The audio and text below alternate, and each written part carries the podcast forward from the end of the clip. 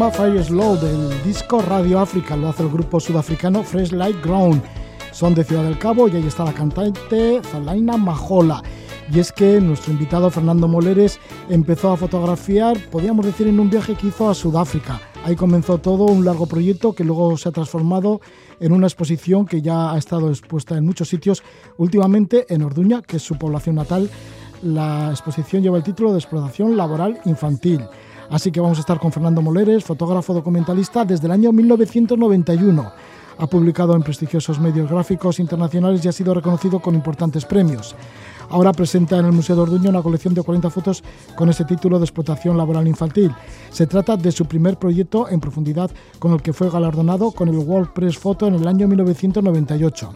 Durante varios años de la década de 1990, Fernando Moleres recorrió América, Asia y África para denunciar una infancia robada, haciendo hincapié en las condiciones de trabajo infantil que genera una forma de esclavitud. En la actualidad documenta cómo afecta el cambio climático a las regiones heladas como el Ártico y la Antártida. Ha estado en varios sitios del Ártico y hace no mucho también en la Antártida, que además lo combinó con el desierto, con el desierto de Atacama en Chile. De todo esto nos habla Fernando Moleres. Le damos la bienvenida. Muy buenas noches, Fernando. Hola, buenas noches. Un placer estar ahí con Elevando Anclas, que que durante muchos años fue mi programa estrella de, los domingos a la noche. No, Yo que no viajaba no viajaba mucho por entonces y entonces la forma de viajar pues era poner la radio ese domingo a la, a la, noche. Pues mira, ahora estoy aquí yo contribuyendo. Sí, sí, que no es la primera vez, ¿eh? que ya has estado en varias ocasiones y algunas desde hace ya mucho tiempo. Cuando, por ejemplo, vivías en Orduña, que ahora vives en Barcelona ya desde hace tiempo.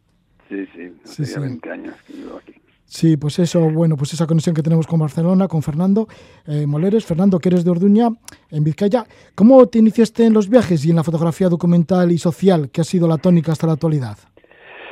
Pues em, yo creo que igual me tengo, a ver, me tengo que remontar quizá un poquito antes de la fotografía, porque antes de la fotografía yo me gustaba viajar, viajaba mucho y bueno, trabajaba parte del año como enfermero, que soy enfermero, y parte del año me dedicaba a viajar. Y yo creo que todo esto quizá me venga de un, de un gran viaje que hice eh, como cooperante a, la Nicaragua sandinista en el año 87 y me fui, estuve seis meses allí eh, viviendo aquella, aquel sueño revolucionario de, de los sandinistas, que mira por otro, por otro lado cómo ha acabado con, con, el, con el Ortega y compañía, pero bueno, eh, verdaderamente eso me abrió la puerta a poder a poder viajar, a poder estar en, en, otras situaciones eh, quizá complejas, difíciles, pero no tenerle miedo a viajar.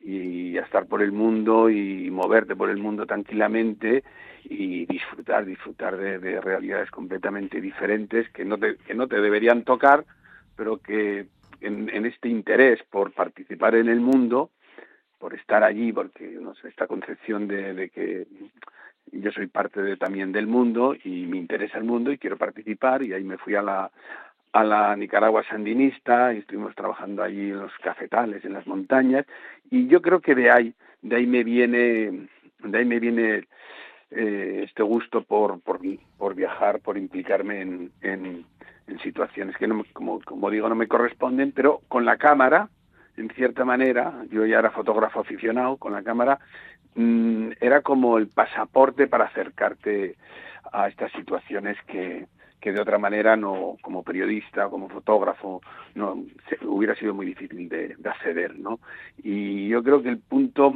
hubo un, hubo un detalle una vez me acuerdo eh, estando ahí en Nicaragua eh, eh, queríamos acceder a, zonas que, bueno, donde estaba la guerra, en aquella época estaba la guerra y no nos dejaban pasar, ¿no? Vosotros cooperantes no podéis pasar y, llegó ahí un, un hombre con una cámara y dijo que era um, fotoperiodista, periodista, y le dijeron, sí, sí, usted puede pasar. Y se me quedó ahí como grabado diciendo, ostras, pues este es el pasaporte para poder viajar donde a, a sitios eh, prohibidos, ¿no? A sitios que quieras y que no te dejarían y quizá quizá de ahí se me quedó grabado esta semilla allí no y luego años más tarde pues pues yo yo iba yo iba diciendo por ahí que oye soy fotoperiodista soy periodista y, y accedido a sitios increíbles no Sí, tanto que sí, el último la Antártida, como decíamos, ¿no? Pero, por ejemplo, poco después de estar ahí en los cafetales, en las montañas de Nicaragua, de esa Nicaragua sandinista, te fuiste a Sudáfrica, antes además de que Nelson Mandela estuviera en libertad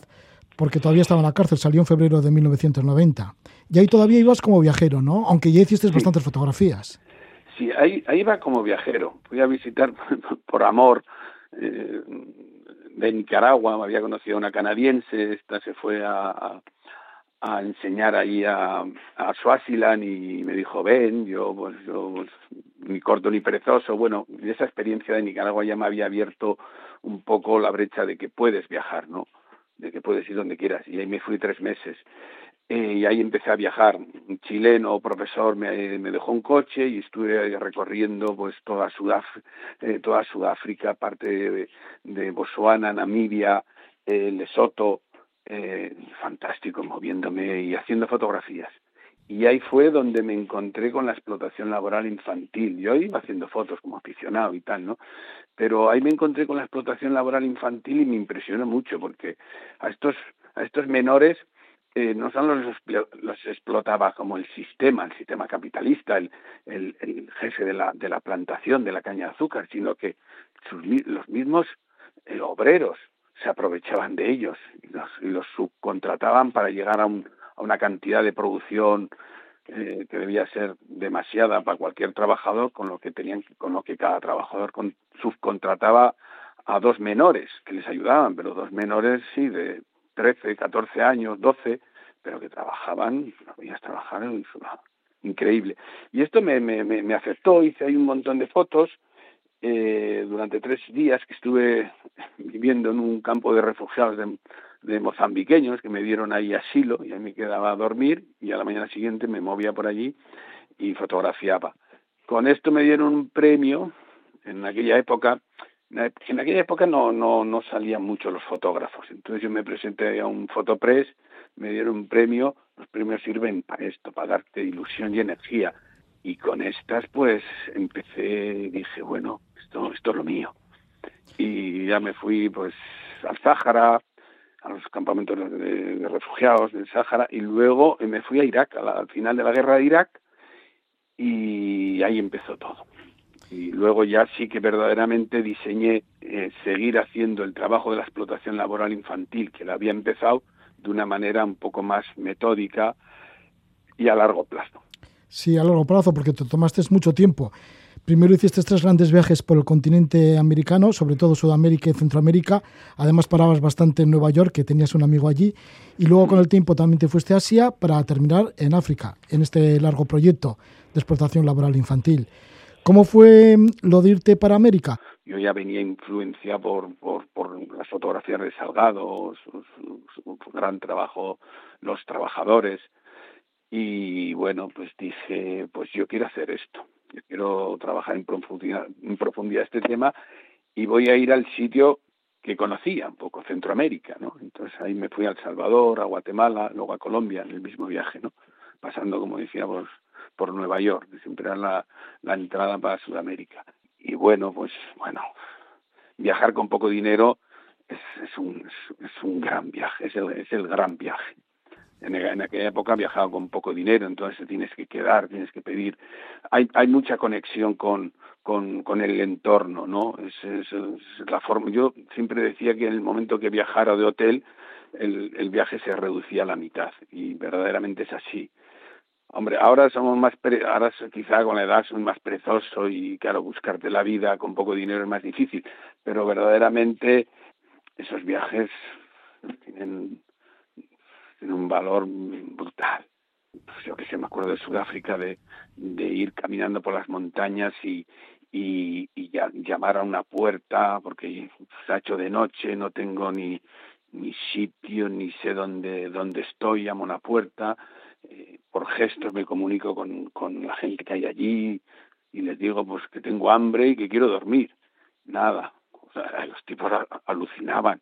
Un blanco, en Sudáfrica un blanco pidiendo comida y pidiendo de dormir. Pues nada. Me, acogía, me daban de cenar, eh, compartían ahí el, espacio que tenían para dormir. Y eso me ha pasado en muchos, muchos sitios viajando así.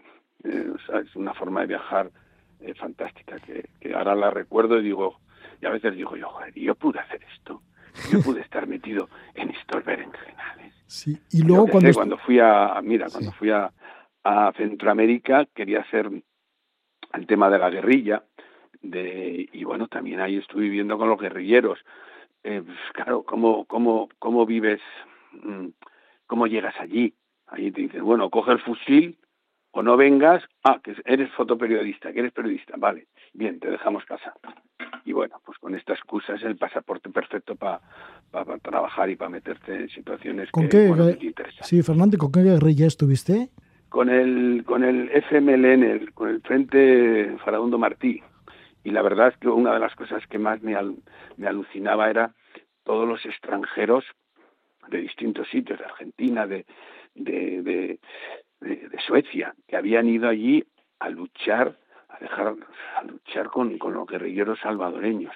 Hice un pequeño reportaje sobre estos, sobre estos. Había también un francés, un vasco francés, grande, que había estado en la, en la legión extranjera, que estaba allí. Bueno, son todas estas historias impresionantes, ¿no? De vivirlas, eh, que bueno, a través del fotoperiodismo pude, Sí, sí. a ellas. Todo esto en la década de los años de 1990, que ahí lo viviste intensamente, porque luego si dejamos América, en Asia estuviste en el año 1993, 1994, te fuiste a Pakistán, India, Nepal, Bangladesh, Tailandia, Birmania, mm. Filipinas, luego continuaste por África en el año 1996, que te fuiste a Ruanda, mm. coincidía dos años después del genocidio mm. ruandés, y ahí estuviste también en, en Kenia y en Tanzania. Pero bueno, voy a empezar un poco a contar unos rasgos ahí. Claro, para cualquier fotógrafo eh, que no haya estado en la India y llega a la India, bueno, ahora cambió un poco. Aquello era, un, aquello era, se te ponían los ojos como platos.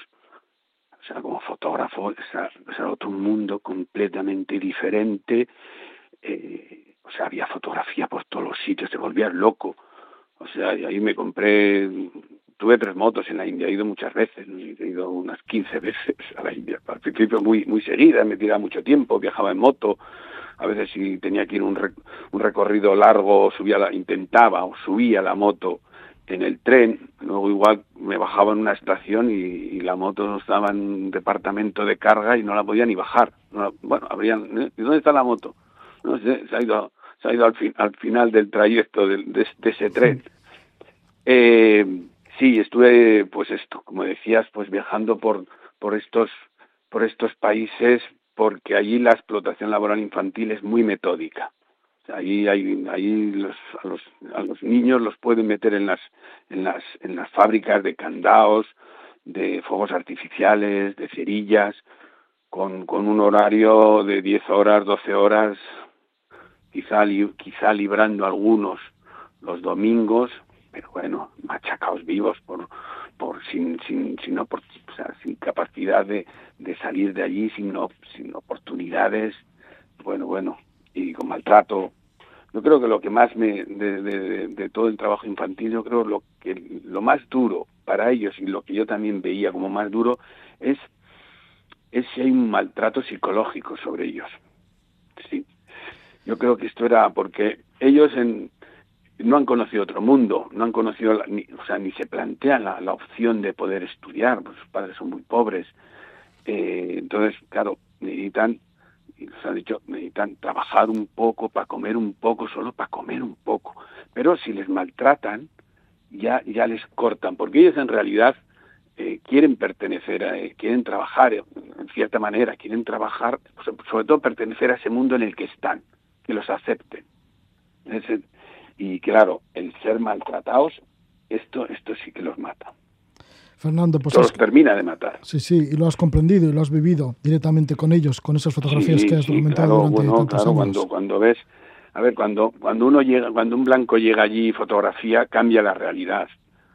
Y, y, más para los chavales que hay allí, que no, que no se ha fijado nunca nadie en ellos y de repente llega un extranjero y con la cámara se fija en él. O sea, para el chaval pequeño dice, pero ¿qué es esto? O sea, ¿de dónde ha venido este? O sea, un blanco que se fija en mí y me fotografía. Entonces, le cambia la cara, le cambia el gesto, todo, todo se cambia. Entonces tienes que esperar mucho tiempo para poder hacer una foto porque la mayoría de las fotos no valen.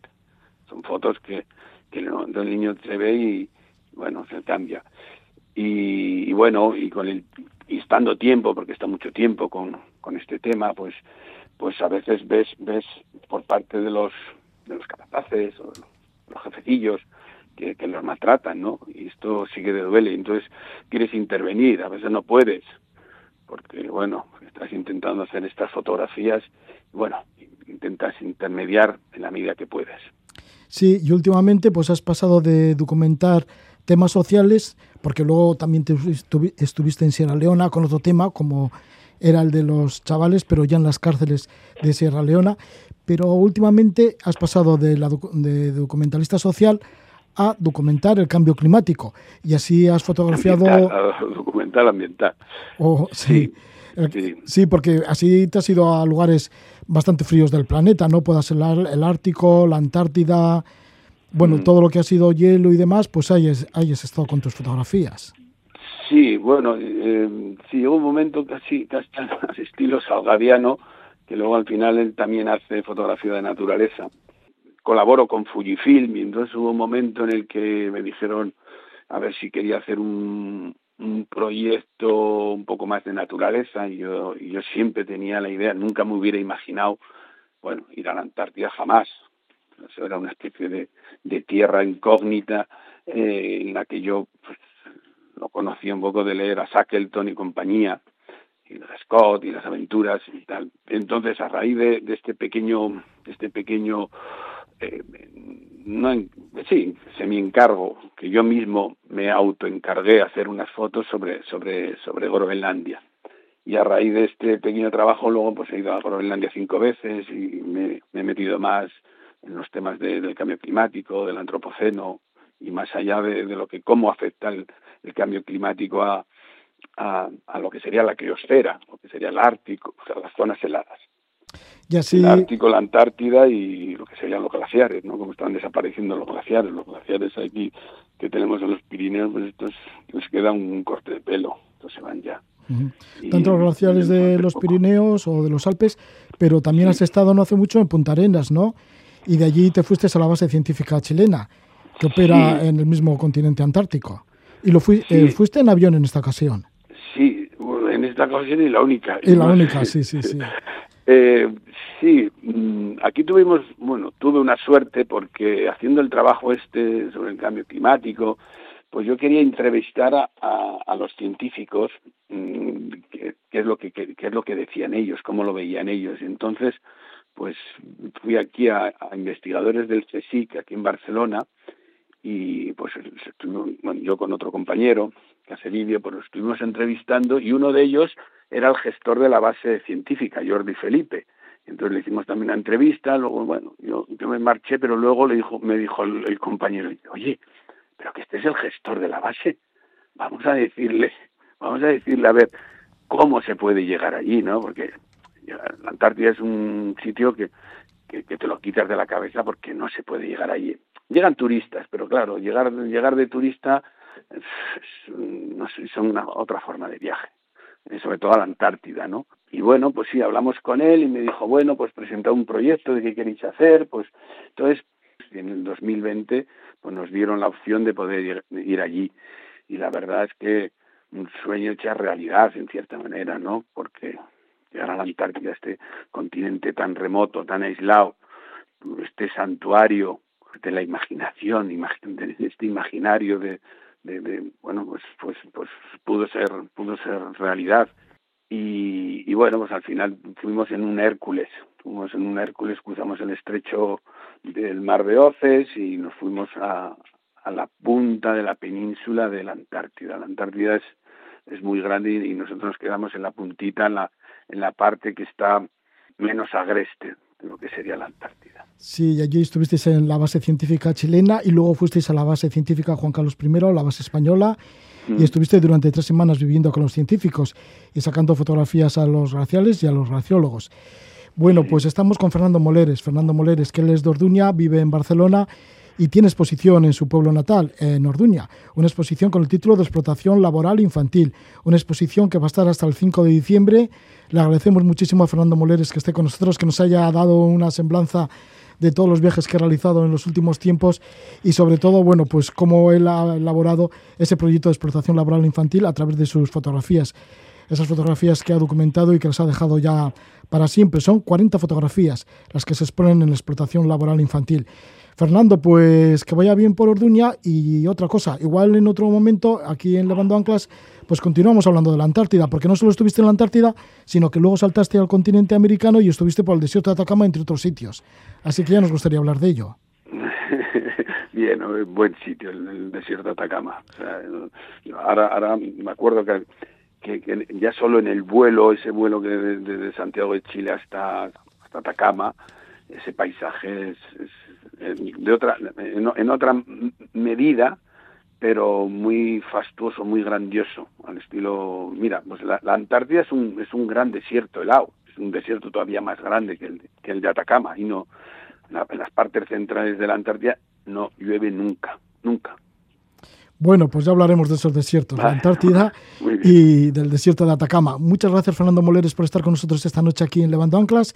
Y ahí está tu exposición, Explotación Laboral Infantil, en el Museo de Orduña, como decimos, hasta el 5 de diciembre. Suerte, Fernando. Vale, buenas, noches. buenas noches.